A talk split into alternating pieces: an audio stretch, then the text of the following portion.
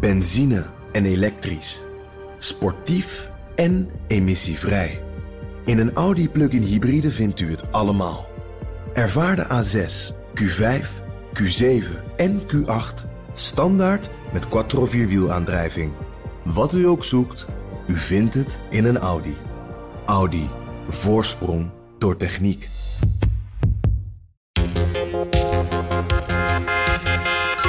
Om even de Engelse term te gebruiken. We, we gaan van, van drilling naar digging. Hè? Dus we gaan van opboren naar uitgraven. Ja, dat is mooi in het Engels, ja. Ja, ehm, en, eh, maar er zijn wel degelijk ook in Europa, en vooral ook in, in de Nordics, dus in de, in, de, in de Scandinavische landen, zijn er ook gewoon mijnbouwlocaties die een deel van onze kritische grondstoffen zouden kunnen leveren. Gaat over kobalt, gaat over zeldzame aardmetalen. Eh, misschien niet voor de volledige behoefte van Europa, maar wel voor een deel.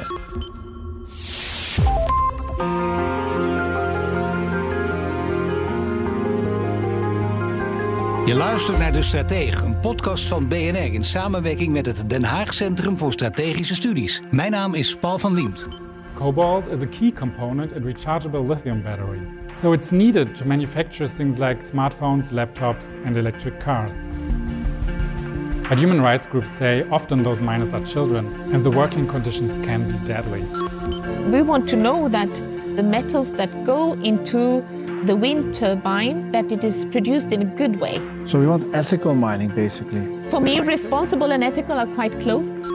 Europeans want Teslas, but they don't want the mines that produce the metals in their backyard, and that's extremely hypocritical.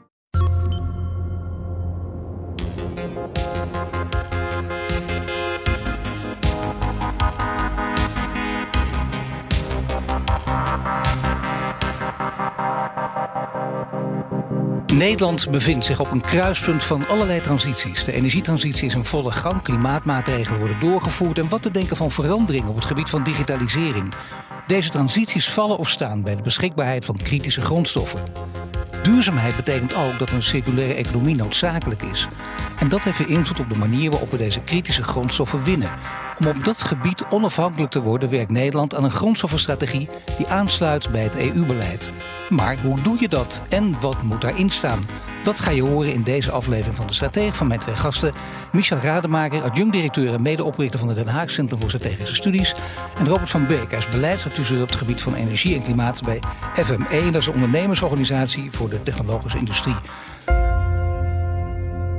Germany and other EU countries rely heavily on imports of raw materials for use in key technologies such as batteries, robotics and renewable energies. Ja, het is uh, normaal gesproken gaan wij met, met, een, met een of ander leuk kletspraatje beginnen. Wat dan ook. Er is altijd een actualiteit uh, waar we eventjes uh, iets of iemand op, op de hak kunnen nemen. Dat doen we niet, want we hebben voor dit onderwerp echt alle tijd. Een heel belangrijk onderwerp. Want Europa en Nederland zijn afhankelijk van elkaar. Hè? Van, van, van veel dubieuze landen ook op het gebied van kritische grondstoffen. Daar zijn Europa en Nederland van afhankelijk. En in de vorige aflevering van de Strateeg, toen spraken we vooral over de halfgeleidersindustrie. Maar het speelt veel breder. En hoe breed is het precies, Michel? Nou ja, uh, ik, ik, gaf jou net, en dat kunnen de luisteraars niet zien, net een, een notitieblok waar op de kaft uh, het periodiek systeem staat. Ja, ik dacht dat het een heel mooi boek was, maar ik ben hier ook heel blij mee. Ja. dat zijn, er zijn in het heelal 118 ehm, elementen en daarmee moeten we doen. En dus alles waar we, wat je vast kan pakken, daar zitten een van die 118 of me, meestal hele combinaties van die 118 elementen in. En waar heb je dat voor nodig? Nou, het is evident. Het is voor de energietransitie nodig. Het is voor uh, onze thuiswerken nodig. Het is voor uh, slimme auto's uh, die CO2-neutraal zijn. Maar voor allerlei andere applicaties. Wind op zee, wat er aan gaat komen, wat heel groot gaat worden onderzeekabels, fiber, fiberglas, alles en iedereen heeft materiaal nodig. Ja, we horen over jou. Je bent zo gewend Engels te praten natuurlijk ook. Het gaat voortdurend door elkaar. De hele wereld is ermee bezig en zo. Engels blijft de voertaal. Hier nog even bij ons in de uitzending Nederlands. Maar uh, Robert, bij jou uh, eh, FME, wat merk jij in de praktijk? Want er wordt nu opeens over grondstoffen heel veel gesproken, ook in de media. In jullie eigen bubbel, als ik het zo met, uh, met alle respect natuurlijk maar even mag noemen, veel vaker natuurlijk. Maar nu in brede zin gebeurt het ook. Wat merken jullie vooral bij FME daarvan? Ja, de, de FME-leden variëren van de basismetaal tot en met de high-tech. Dus dat loopt van Tata Steel tot en met ASML. En die hebben allemaal dus grondstoffen nodig. kritieke grondstoffen en gewone grondstoffen, zoals staal en aluminium. Nou, vorige keer ging het dus over die halfgeleiders. daar zitten heel veel van die zeldzame aardmetalen in, silicium. Maar ook aluminium voor bijvoorbeeld het trekken van kabels om straks uh, de stroom van de windparken uh, dieper het land in te krijgen. Uh, nou, dan heb je koper nodig, maar ook aluminium. Net een fabriek gesloten natuurlijk ja, in Delfzijl. Nou ja, zeker. die maakte dan toevallig niet de kabels van aluminium, maar we hebben nog steeds kabelfabrikanten in Nederland en die, hebben, en die gebruiken daarvoor aluminium en nog andere materialen. Ja, dan zie je dus dat als in Europa wel de aluminiumproductie halveert onder, uh, omdat de energieprijzen zo enorm zijn gestegen door de inval van Rusland in de Oekraïne, heb je meteen een probleem. Maar een ander voorbeeld is uh, magnesium. Magnesium is nodig om uh, metalen lasbaar te maken. En uh, om, een, om, een, uh, om een flens op een, op een dieseltank te krijgen, moet die gelast worden. Nou, dan moet er magnesium in dat metaal zitten. En toen magnesium schaars werd in China en de prijzen dus ook explodeerden, zag je gelijk dat er disrupties ontstonden in gewoon het maken van een brandstoftank. En geen brandstoftank kan ook de vrachtwagen niet van de band. Dus het, het gaat van groot naar klein en van hoog naar laag. Ja, en uh, bovendien zal het ook uh, straks breed in de media worden uitgemeten. We gaan er straks uitgebreid over praten. Als dit echt een heel groot geopolitiek fenomeen gaat worden, laten we zeggen, in het oog van, uh, van heel veel mensen. Ja, ik, ik, ik zeg vaak, hè, we, gaan, uh, we, we, willen van de afhankelijkheid van fossiele brandstoffen vanwege het klimaat, maar misschien ook vanwege het feit dat een aantal landen er toch net anders in zitten qua cultuur en, en stijl dan wij hier in het Westen, willen we uh, naar uh, een energietransitie en moeten we naar zonne- en windenergie. Maar we moeten opletten dat we de afhankelijkheid van de Arabieren niet gaan inwisselen voor afhankelijkheid van de Aziaten of de Amerikanen. We moeten in Europa wel uh, onze eigen boontjes kunnen blijven doppen. Ja, en daarom hebben we ook een, een grondstoffenstrategie in Nederland om e-, onze eigen boontjes te doppen. Dat klinkt dan, laten we zeggen, geruststellend. In ieder geval in de zin van er wordt gelukkig over nagedacht. Ja. Over de uitvoering uh, moet het ook nog hebben. Veel belangrijker misschien wel, maar toch wordt in ieder geval over nagedacht. Maar waarom niet meteen op Europees niveau? Waarom ook een aparte Nederlandse grondstoffenstrategie, Michel? Nou, ik, kijk, ze zijn die strategie aan het schrijven. En dat is best een worsteling, want dat is precies dit vraagstuk van wat moeten we nationaal doen en wat zouden we Europees kunnen doen of moeten doen. Um, het antwoord is daarvan nog niet gegeven. Dat, daar ben ik ook niet bij betrokken. Nee. Uh, dat, is heel simpel. Dat, dat is een papegaai op iemand anders schouder. Maar um, dat het urgent is, uh, speelt wel. En dat de Europese Unie al wel heel veel aanzetten heeft gegeven om, uh, om die grondstoffenstrategie van Nederland in te passen. Dat is wel het gegeven. Maar ik ben ervan overtuigd dat we als we als Nederland alleen hier een oplossing in proberen te vinden, dat, we, dat het ons niet gaat lukken. Dus we moeten dat op Europees niveau eigenlijk gaan doen. Ja, en dat horen we natuurlijk op veel meer gebieden, Robert. Alleen we weten ook op Europees niveau proberen we veel meer voor elkaar te krijgen. Dat duurt een heel lang, dat is moeizaam. En mensen die daar eenmaal middenin zitten, daar werk, gewerkt hebben ook, of er dichtbij gezeten hebben, die snappen ook omdat het moeizaam gaat. Maar voor het grote publiek ook hier weer van jongen, jongen, wat traag en wat langzaam allemaal. En dat lukt ook nooit met al die verschillende landen. Is het desondanks heel belangrijk om een Europese grondstoffenstrategie te ontwikkelen? Om twee redenen. Uh, omdat grondstoffen echt uh, internationaal is en, en de, de, waardeketen ook internationaal is. Hè. Wij maken hier bijvoorbeeld turbo's in uh, Almere bij, bij Mitsubishi Turbodrive. die komen dan samen met de motoren die weer in de motorenfabriek in Oostenrijk zitten, worden ze in Duitsland in een auto ge, ge, ge, gemonteerd. Ja. En al die materialen die, die gaan in en uit Europa en we moeten daar ook schaal gewoon toepassen. Nederland is met 17, 18 miljoen mensen natuurlijk een hele kleine markt. Als Europa hebben we een markt van, uh, van 400, 500 miljoen mensen.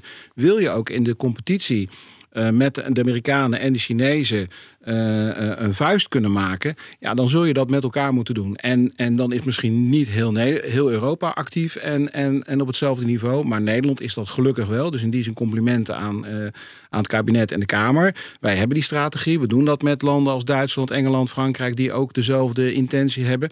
Maar het moet uiteindelijk gewoon op, op dat hoge niveau om, om, om die twee redenen. En uh, één woord is ook niet gevallen, gelukkig ook maar, want dan kan ik het uh, als eerste noemen dat uh, mensen die, die, die, hier ook weinig van weten, bijvoorbeeld ook de rapporten van HCSS niet lezen, die heb je nog gek genoemd, Michel, maar die ja, zijn nog ja. ja. onze luisteraars lezen het allemaal, maar de meesten weten het nog niet. En dan gaat het over mijnbouw. En veel uh, metalen, zoals we weten, de aardmetalen halen we van ver weg. Niet duurzaam. Mensen werken niet altijd onder goede omstandigheden, maar dat is heel zacht uit te drukken. Zouden we dat naar Europa kunnen halen? Dus zouden we hernieuwbaar, met hernieuwbare energie de mijnbouw naar Europa kunnen halen? Nou ja, het is wel uh, iets waar ik voor pleit. Um, uh, kijk, met de circulaire economie als, als concept uh, kunnen we de urban mine kunnen we verder tot ontginning brengen. Laat ik zo maar even de termen aanhouden. als ik je toch even mag onderbreken. Meeste mensen die, die uh, hebben het of meegemaakt als ze wat ouder zijn of kennen de geschiedenis. Die weten dat was Joop en El, die heeft de mijnen gesloten. Dat was niet voor niks en zo. Dat is voor eens en voor altijd. Die hoeven nooit meer open. Dit is voor de duidelijkheid een heel ander verhaal. Het is een ander verhaal. En um, kijk, met de urban mine, de circulariteit en, en het beleid wat daar ook door het kabinet wordt ingezet, is denk ik prima. Maar de grote vraag is, is dat genoeg? Ik denk zelf dat het in ieder geval de komende 15, 20 jaar zeker niet genoeg is. Er is ook in de wereld nog autonome groei. om even de Engelse term te gebruiken. We gaan van, van drilling naar digging. Dus we gaan van opboren naar uitgraven. Ja, dat is mooi in het Engels, ja. ja um, en, uh, maar er zijn wel degelijk ook in Europa, en vooral ook in, in de Nordics, dus in de, in, de, in de Scandinavische landen, zijn er ook gewoon mijnbouwlocaties die een deel van onze kritische grondstoffen zouden kunnen leveren. Gaat over kobalt, gaat over zeldzame aardmetalen. Uh, misschien niet voor de volledige behoefte van Europa, maar wel voor een deel. En maar kobalt ook nikkel kopen?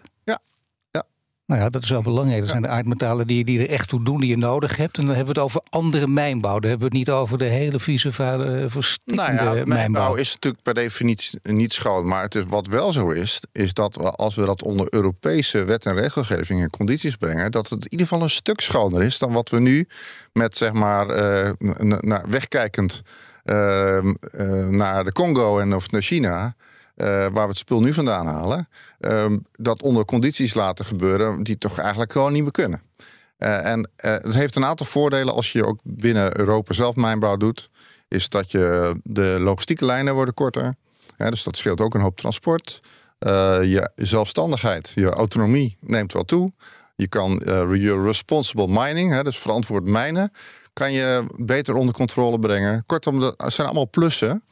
Alleen het is in Europa nog steeds not in my backyard, niet een NIMBY. Uh, en, daar moeten we doorheen. Nou, dat is misschien ook niet zo gek. Daar wil ik nog wel een paar vragen over stellen. Maar uh, we begrijpen wel dat dit misschien wel het moment is om deze discussie uh, heel, heel sterk op elkaar te zetten. Want die aardmetalen willen in Europa, nieuwe vorm van mijnbouw opzetten in Europa, heeft op die manier dus zijn voordelen. Maar uh, ja, de technologische industrie, Robert, hoe zou de technologische industrie daarbij geholpen zijn? Ja, um, ik ben het helemaal Michiel eens meer mining in Europa. Dus bijvoorbeeld in Scandinavië, Tsjechië, Joegoslavië. Daar liggen gewoon kansen. Spanje, Portugal. We hebben bergenberg, dus daar, daar is het. Dan moeten we starten, want het duurt uh, jaren voordat het rendabel is. Hoe, hoe, lang, hoe lang duurt dat? Is dat een decennium? Gaat er overheen? Nou, ik denk 8 tot 15 jaar. Afhankelijk een beetje van uh, landvergunningen en, en, uh, enzovoort. Uh, Vergelijkbaar met de tijd waarin een kerncentrale hebben kunnen bouwen? Ja, nou, misschien is dat nog iets langer. Maar het, het, duurt best lang, laten we zeggen gemiddeld 10 jaar. En dat betekent dat je gisteren moet starten om er overmorgen van te profiteren. En, en de Oekraïne-crisis laat zien dat we die tijd gewoon niet hebben. Dus ik vind hè, dat, dat, we, dat we daar gewoon op moeten inzetten als een hoofdspoor. Die urban mine, waar Michiel ook even over sprak, die, daar maak ik me ook zorgen over, want die wordt eerder kleiner dan groter. Hij is er niet. En dat komt omdat wij heel veel van onze spullen die op een bepaald moment afval worden, e-waste en dergelijke, nog altijd exporteren. Het gaat naar China, het gaat naar Afrikaanse landen. We hebben het niet hier. Uh, en we zouden het wel hier moeten hebben en houden. Eigenlijk betalen we er twee keer voor. Hè? Uh, we laten het uh, via. het komt ergens uit Afrika. Chinezen maken de producten van. Die importeren wij. Betalen we mooie prijzen voor. Dan danken we het af. Dan geven we het terug. Tegen nauwelijks serieus geld. En dan kopen we het opnieuw. Dat is niet handig. Dus ik denk dat wij veel slimmer moeten gaan nadenken. Wat houden we ook hier? En je hebt ook een bepaalde schaalgrootte nodig. Komen we terug bij Europa de Nederlandse afvalberg is in zijn eentje dus te klein. Die van Frankrijk erbij red je het ook niet. Nee, je zult schaalgrootte moeten eh, neerzetten om ook kostenefficiënt materialen ook terug te kunnen winnen. Maar he, metaalraffinage is een proces, daar heb je een bepaalde schaalgrootte voor nodig om het efficiënt te kunnen doen. Ja, en uh, op het gebied van kostefficiëntie begrijp ik dat heel goed. Als het gaat over zelf mijnbouw ontwikkelen, dan denk je weer van ja, als je het ergens anders vandaan haalt, dan laat je mensen eh, ook voor veel minder geld dat doen. Hier zullen ze flink moeten gaan betalen. Betekent dus ook dat althans althans goed, fatsoenlijk gaan betalen. Dan wordt het voor bedrijven duurder de metalen te kopen. De productiekosten stijgen. Voor bedrijven en consumenten wordt het duurder. dat is laten we zeggen, het, economische verhaal. Hoe zit het daar dan mee, Michel? Nou ja, dat is misschien voor een deel uh, het geval. Maar je, je, kan ook zeggen van nou, wat gebeurt er op dit moment eigenlijk al? Betalen we niet al heel veel uh, van die prijs? Uh, je ziet nu wat er met de Oekraïne gebeurt. Dan hebben we ons afhankelijk gemaakt van eigenlijk één belangrijke leverancier.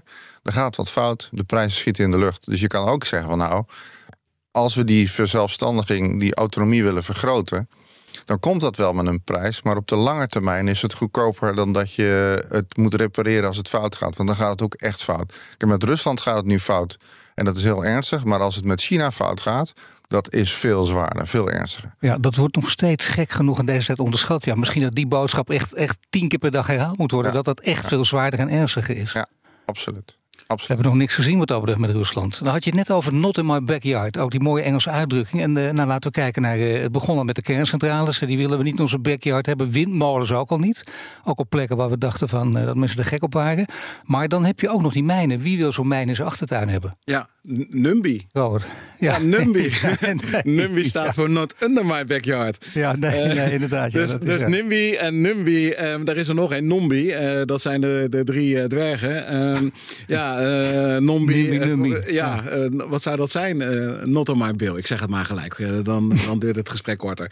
Nee, dus, dus ik denk dat wij daarmee meer verantwoordelijkheid moeten nemen. En, en ook voor de lange termijn. We exporteren nu vanuit Europa vaak nog onze milieu- en arbeidsproblemen. Door het aan andere landen te doen. En dan is het ver weg, maar dan is het probleem niet opgelost. Ik denk dat we meer lef moeten hebben en dingen juist in Europa moeten doen, omdat jij juist het continent zijn, op, op, op democratische principes gebaseerd, met een met een, met een betere controle. Ik wil niet zeggen dat de handhaving in Nederland of andere landen altijd up-to-date is en 100% waterdicht. Dat is gewoon niet zo. Uh, maar het is wel stukken, stukken beter dan, uh, laten we zo zeggen, in allerlei B-landen. Dus laten we het dan doen omdat we anders in feite zeggen: ja, we willen wel een batterij, we willen wel een, een elektriciteitskabel, een, een, een ledlamp een, eh, een, iPad. Maar we zijn niet bereid om daar de consequenties van te nemen en daar een normale prijs voor te betalen. En daarom moet het wel on, en we moeten het wel under our ground gaan organiseren. Ja, jij zou hem ook bij jouzelf in de buurt onder de grond willen, gewoon om het goede voorbeeld alleen maar te geven? Ik denk dat. Een filmploeggroep uh, afsturen? En, ik, ja, het is uitdagend. Hè? En we hebben niet alle oplossingen. en we hebben daar tijd voor nodig om goede mijnbouw te organiseren. Om het verantwoord en netjes te doen. En er zullen fouten worden gemaakt en er zal vast iets misgaan. Maar ik denk dat het afwentelen van milieu- en arbeidstechnische problemen op andere landen niet verstandig is. En terug naar Michiel, geopolitiek ook niet. Want dan ben je controle kwijt over je kringloop. En die kringloop zou je ook vanwege kortere transportafstanden uh, uh, dichter bij huis willen hebben, dan heb je ook meer kans dat je research and development uh, hier houdt. en dan um, hebben we veel steviger basis om een verdienmodel te hebben ook na 2030. Ja, Michel, ik wil ook naar jou vanwege de strategische autonomie. Daar gaat het om. Die is heel erg belangrijk. Die kunnen we nooit helemaal voor elkaar krijgen. Maar we willen wel weerbaar worden op het gebied van grondstoffen. Dat heeft onder andere met uitruil te maken. Dat zijn natuurlijk de verhalen die je ook steeds hoort. Maar hoe moet het dan precies gestalte krijgen? Die uitruil bedoel je? Ja. Nou, um, en daarmee dus die weerbaarheid. Ja, nou kijk, wat, wat uh, aan de hand is, denk ik, en waar we naar moeten kijken, is dat wij uh, op nieuwe manieren uh, afhankelijkheden in kaart brengen en dossiers gaan koppelen. dus het gaat niet alleen over grondstoffen, maar je moet dat waarschijnlijk aan andere dossiers koppelen. Waar een ander land, ook misschien wel een, een strategische com, concurrent, behoefte aan heeft. Hè? Uh, want ik, ik heb niet de illusie dat wat we in Europa zouden kunnen opgraven, dat dat voldoende is om de Chinese toelevering overbodig te maken. Hoe dan ook, dat gaat gewoon niet lukken. Dat nee, is gewoon, laten zeggen, de, de, de, de, terugdringen. Je zou het wel kunnen terugdringen. En ik denk dat we naast ook moeten nadenken over of we met andere landen uh, die strategische relaties wel aan kunnen gaan. Ik weet dat. Uh, uh, de premier Rutte onder andere ook uh, met Australië heeft gesproken en met Canada. Maar je zou ook, zeg maar eventjes, uh, dan lopen we licht vooruit op de werkelijkheid. Maar waarom gaan we ook niet eens praten met Suriname? Kijk, um, die relatie is nog moeizaam, die wordt hersteld, dat zie je ook wel, begint langzaam te komen. Stel nu dat ergens volgend jaar dat, dat die relatie weer een volgende stap krijgt Zou je daar niet een onderdeel van kunnen maken? Nou, laten we eens kijken of we met Suriname samen aan responsible mining, hè, dus verantwoordelijk mijnbouw kunnen doen op die grondstoffen die nodig zijn voor de energietransitie. Nou ja, dat zijn allemaal belangrijke voorbeelden natuurlijk, hè, waar misschien gehoor aan gegeven wordt op het gebied van samenwerking, maar dus ook uitruil. En dan als je over uitruil denkt, Robert, dan ga je toch vooral denken aan ASML. Is dat dan ook een bedrijf met voldoende ruilmateriaal? Niet denk ik op het bedrijfsniveau, maar wel als je zegt: Goh, uh, uh, wij hebben unieke technologie. Uh, ASML is eigenlijk monopolist hè, met haar technologie in de wereld. En daar is natuurlijk een discussie lopende van Amerikaanse exportrestricties. En nou, dat is een complexe, complexe materie, maar het komt er wel op neer. Wij hebben nu nog technologie in handen, bedrijven en kennis en kunde, waarmee we ook spullen kunnen maken die we voor, voor veel geld verkopen aan Azië. We hebben vanuit hun weer de afhankelijkheid van de grondstoffen. Maar we hebben dus wel naar elkaar toe een ruilmiddel. Uh, wij hebben die technologie, daar is China op dit moment nog van afhankelijk. Wij willen die grondstoffen, dus er is een soort van gelijkwaardige positie. Maar is het gelijkwaardig of is het toch uh, iets makkelijker voor die Chinezen? Het is denk ik makkelijker, makkelijker voor de Chinezen. en jatten dan wij. Zeker. En, en, uh, en er is, er is dus, dus als ik mag kiezen, dan heb ik liever de, de grondstoffen dan de technologie, want die is inderdaad makkelijker te kopen hier. Maar we hebben die technologie nog wel. We hebben een markt van 400, 500 miljoen mensen. Uh, wat dat er gaat, is er. Uh, we zijn natuurlijk niet, niet, niet, niet op ons achterhoofd gevallen in Europa. We zien het gebeuren. We moeten dus wel in actie komen. Nee, maar we worden wel vaak naïef genoemd, ook op dit gebied. Ja, klopt. En, en nou ja, daarom is dit gesprek denk ik ook voor bedoeld. Om dat bewustwordingsproces weer uh, aan te wakkeren. En dat moeten we ook doen richting kabinet, richting Tweede Kamer. En, en dan nog even iets over de politiek. Hè. Er is een motie uh, gedaan uh, van, uh, van Hagen, Havenkort en, en Mulder. Drie, drie Kamerleden van de coalitie. Die hebben gevraagd om die grondstoffenstrategie. Ik vind dat een geweldig goed initiatief. Ik maak me alleen zorgen over het gebrek aan middelen. Want ik zie wel ontzettend veel het woord circulaire economie in de begroting van een INW Precies. genoemd worden. Ja. Maar dan kijk ik naar de, naar de tabellen en dan zie ik 0 euro. En dan denk ik, ja, wie gaat dan die grondstoffenstrategie straks inhoud geven? Ja, over, na, over naïef gesproken. Waar gaan we het dan mee doen? Nee, dat is heel gek. Het zijn dus goede bedoelingen. De boodschap is ook doorgedrongen, ook in Den Haag. Maar hoe komt het dan? Ik bedoel, want je kunt roepen natuurlijk prioriteiten. Uh, we moeten kijken wat belangrijk is. Maar langzamerhand is het duidelijk dat dit toch een enorme prioriteit is. Ja. Michel had het net ook al over. Kijk wat er in China kan gebeuren. Gevaarlijker dan wat er in Rusland gebeurt voor ons. Het is geen prioriteit. Want als het prioriteit zou hebben, dan zouden er wel centen aangekomen zijn. Maar hoe komt dat? Hoe nou komt dat? Dat begrijp ik ook niet. Ik denk dat de, de, de, de inval van Rusland in de Oekraïne de week op kool is op dit moment. Hè. Actueler kunnen we het niet maken. Om alle rapporten die HCCSS al sinds 2008 aan het maken is Hè, waarbij ze zeggen, denk nou uh, lange termijn, investeer, kost gaat voor de baat uit. Die ja, heel goed, de dossierkennis, dossierkennis is ja, er. En, nou ja, en nu, is het, eh, nu hebben we een keer brand- en bliksemschade en dan blijken we niet verzekerd te zijn. Maar wat gek, want in Europa, je kijkt naar uh, Ursula von der Leyen, die uh, normaal gesproken daar niet over sprak, maar nu wel. Hè, in haar staat van de Unie, State of the Union, hè, tussen aanhalingstekens, ja. benoemde zij het wel. Maar ook daar zit nog geen, geen geldbedrag aan gekoppeld. Nee, en voor haar was een andere kanselier en, en, die zat nog in, we, we geloven in het, het, de vriendschapsverdragen met de, met de Russen. En uh, we zijn dus pas sinds kort wakker geworden. Wakker geschopt wellicht. Uh, met de inval van de Russen in uh, de Oekraïne. En, en ik denk dat we daar ook lessen uit moeten trekken. Nikkel, uh, belangrijk, belangrijk metaal uit de Oekraïne. Zijn ze echt grote leverancier in het graan. je ziet deze week nog hoe dat in het nieuws komt. Rusland torpedeert een graandeal. We willen allemaal een boterham kunnen eten. Letterlijk. Hè. Het gaat hier gewoon ook nog een keer om voedsel. En het wordt gewoon gebruikt als de wapen in de strijd. de aanslag op Nord Stream pijpleiding. Uh, grondstoffen, energie, het zijn gewoon wapens in uh, geopolitieke uh, oorlog. Het beste voorbeeld is ook steeds lithium, heel licht metaal, heel mooi, geweldig allemaal. Dat heb je in Australië, geweldig kun je zo krijgen. Je kunt bij die Australiërs aankloppen, maar dan blijkt er een fabriek te staan die is gebouwd en in handen van de Chinezen. Ja, nou, dus er is ook, ook, er is ook, er is ook lithium in voormalig Joegoslavië. Uh, ik snap heel goed dat uh, de Joegoslaven die daar wonen, hè, volgens mij ligt die in Servië. Ik kijk even Michiel aan. Weet ik niet precies, maar nou, ik dacht in Servië. In die, in die regio wel, ja. Nou, ik snap dat, dat die Serviërs natuurlijk wel denken van ho help, dat moet dan wel even op, op een super goede en nette manier gebeuren. Dat, was, daar hadden we tien minuten geleden over. Maar het alternatief is inderdaad dat als we het niet doen, dan hebben we ook straks niet de batterij voor de elektrische auto. Dan blijven we dus meer CO2 uitstoten. Dan hebben we weer. Dan nou ja, we of nog erger, de rode loper gaat uit voor, voor de Chinezen weer. Want die kunnen met Ja, hun eigen en elektrische dan- en- auto's de markt bestormen. Exact. En, en, en, eh, en, dus, en om redenen van eh, klimaat. De watersnood van Limburg is niet zo heel lang geleden.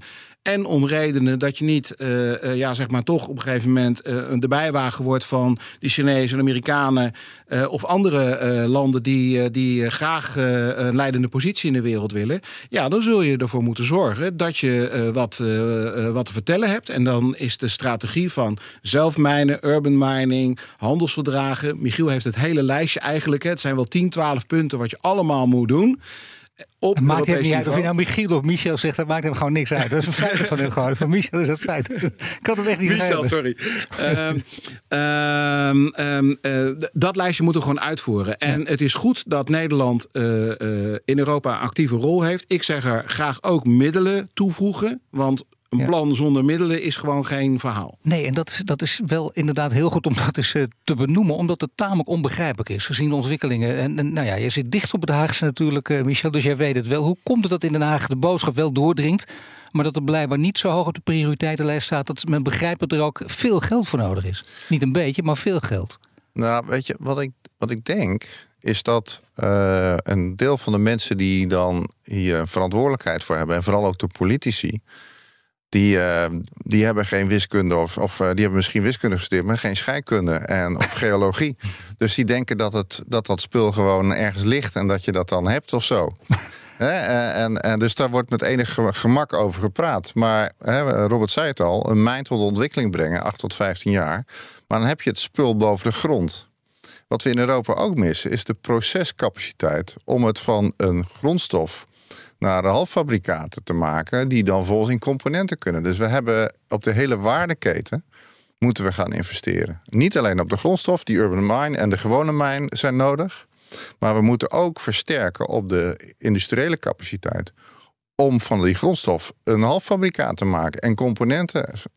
En, en daar schort het ook wel wat aan. Nee, maar goed, zonder scheikundige kennis zul je in ieder geval wel begrijpen dat er, dat er iets in de wereld gebeurt. is dat we, eh, laten zeggen, ten aanzien van Rusland, hè, wandel door handel, behoorlijk naïef zijn geweest. Met z'n allen, heel Europa, maar zeker ook in Nederland. Dat kunnen we ons niet permitteren, moeten we ons zeker niet permitteren ten opzichte van China. Gezien alle ontwikkelingen vandaag ook, als wij spreken. Dit wordt twee, drie dagen later uitgezonden. Dus heeft niet eens zin om actuele ontwikkelingen nu te noemen. Maar dat gaat maar door, dat dendert echt door. Dus dan is het wel belangrijk om een beetje ook koppen te gaan tellen in Den Haag. Dat doe je op veel gebieden. In eerste instantie is het dan vinden ze het interessant. Tweede instantie komen ze langs. In derde instantie, oh ja, leg, leg het mis uit. Zijn ze dat na, de dag daarna weer vergeten. En vervolgens begrijpen ze opeens dat ze wakker worden geschud. Maar wat moet je nog meer doen om ze wakker te schudden? En ook eh, blijkbaar ook eh, te, te roepen dat bij dat wakker schudden dus ook die, die geldboodschap hoort.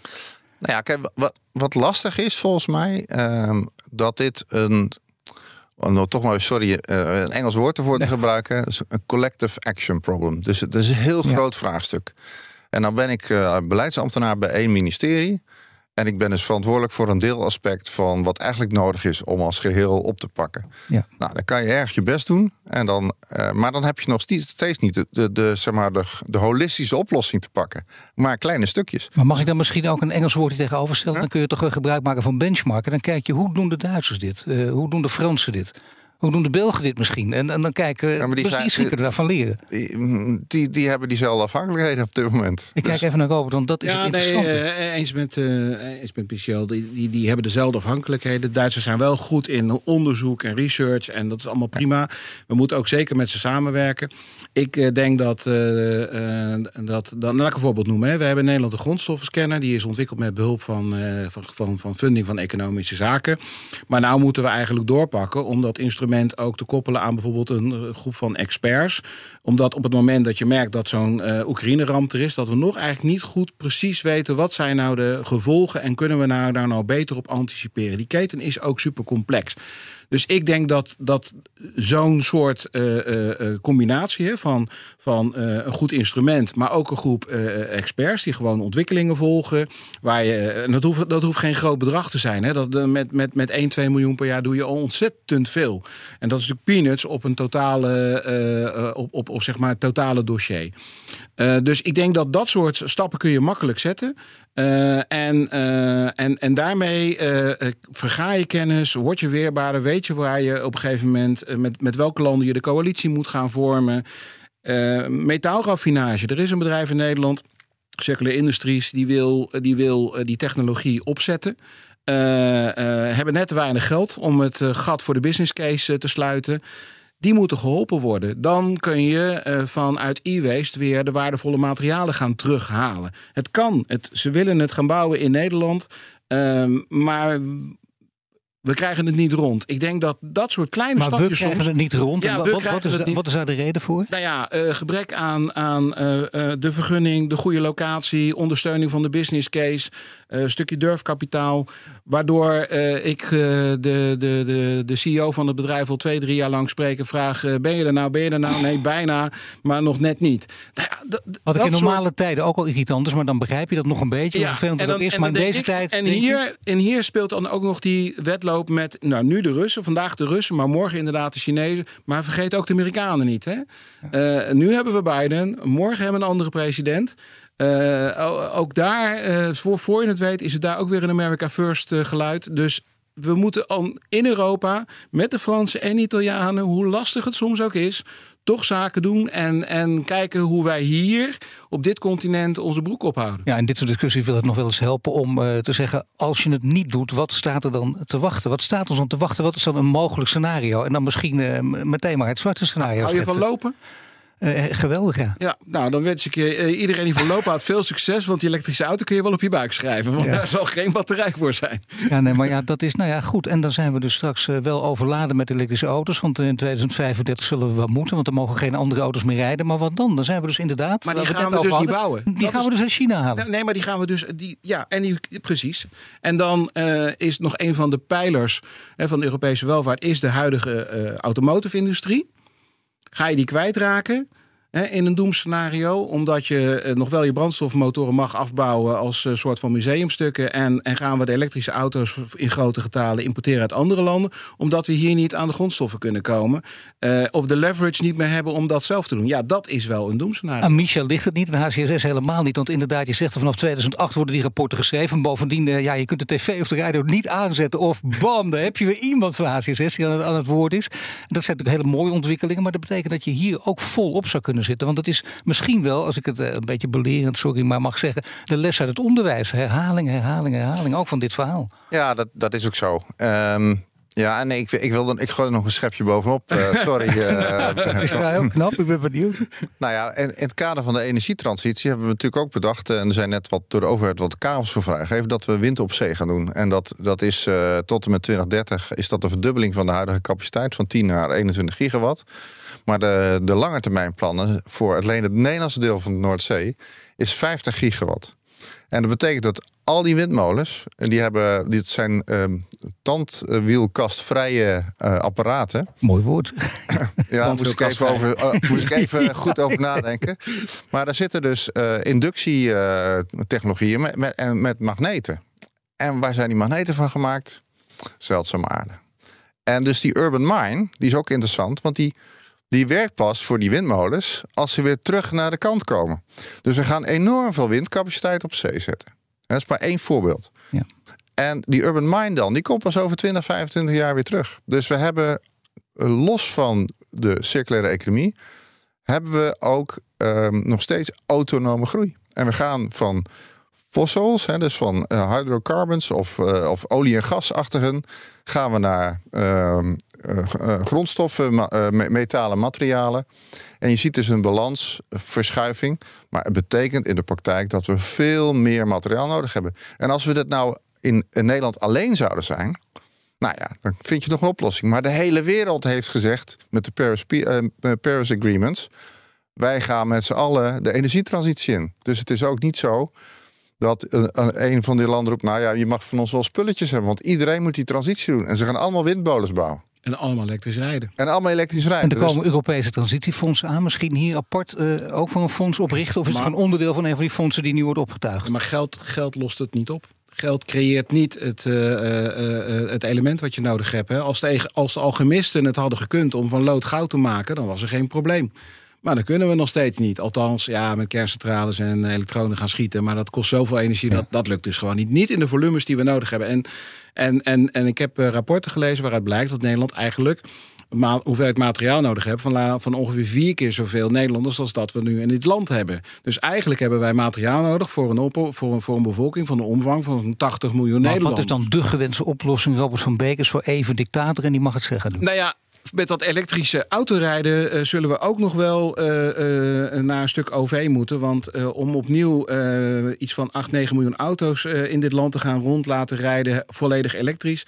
Ik denk dat we de materialen er gewoon niet voor hebben. Dus we zullen ook slimmer moeten gaan worden met openbaar vervoer, deelauto's en dat soort oplossingen. Dat gaat daaraan bijdragen. Dus thuiswerken. We moeten, ja. ja. thuiswerken. We moeten ook dus nog veel slimmer worden. En en het is ook gisteren even in de klimaat- en energieverkenning aan, uh, kwam het aan bod hè, van, van PBL. Uh, die melden we gaan, we gaan de 2030-doelen niet, niet halen. ja, we moeten ook nog meer aan energiebesparing gaan doen. Want dan hoeven we ook dat netwerk wat kleiner te maken. Dat netwerk kunnen we ook slimmer maken. bij FME hebben we daarom ook veel aandacht voor energy storage en, en, en, en conversie van energie van, van moleculen naar elektronen. Dus, dus hoe krijgen we nou stroom in bijvoorbeeld waterstof en waterstof weer terug in stroom. Uh, zodat we energie ook van A naar B kunnen krijgen, het kunnen opslaan. En dat moet slimmer, uh, waardoor we ook uiteindelijk tegen een, uh, ja, een kleiner net nodig hebben. en, en, niet, en het ook niet zeg maar ja, de, de drie keer de kosten is dan, dan dat nodig is als we meer technologie daarin stoppen. Hartelijk dank, Robert van Beek, beleidsadviseur op het gebied van energie en klimaat bij FME. Dat is de ondernemersorganisatie voor de technologische industrie. En Michel Rademaker, adjunct-directeur en medeoprichter van het Den Haag Centrum voor Strategische Studies. Wil je meer afleveringen van de Stratege terugluisteren? Je vindt hem op Apple Podcasts en Spotify, maar ook in de BNR-app of op bnr.nl. Abonneer je meteen en tot de volgende keer.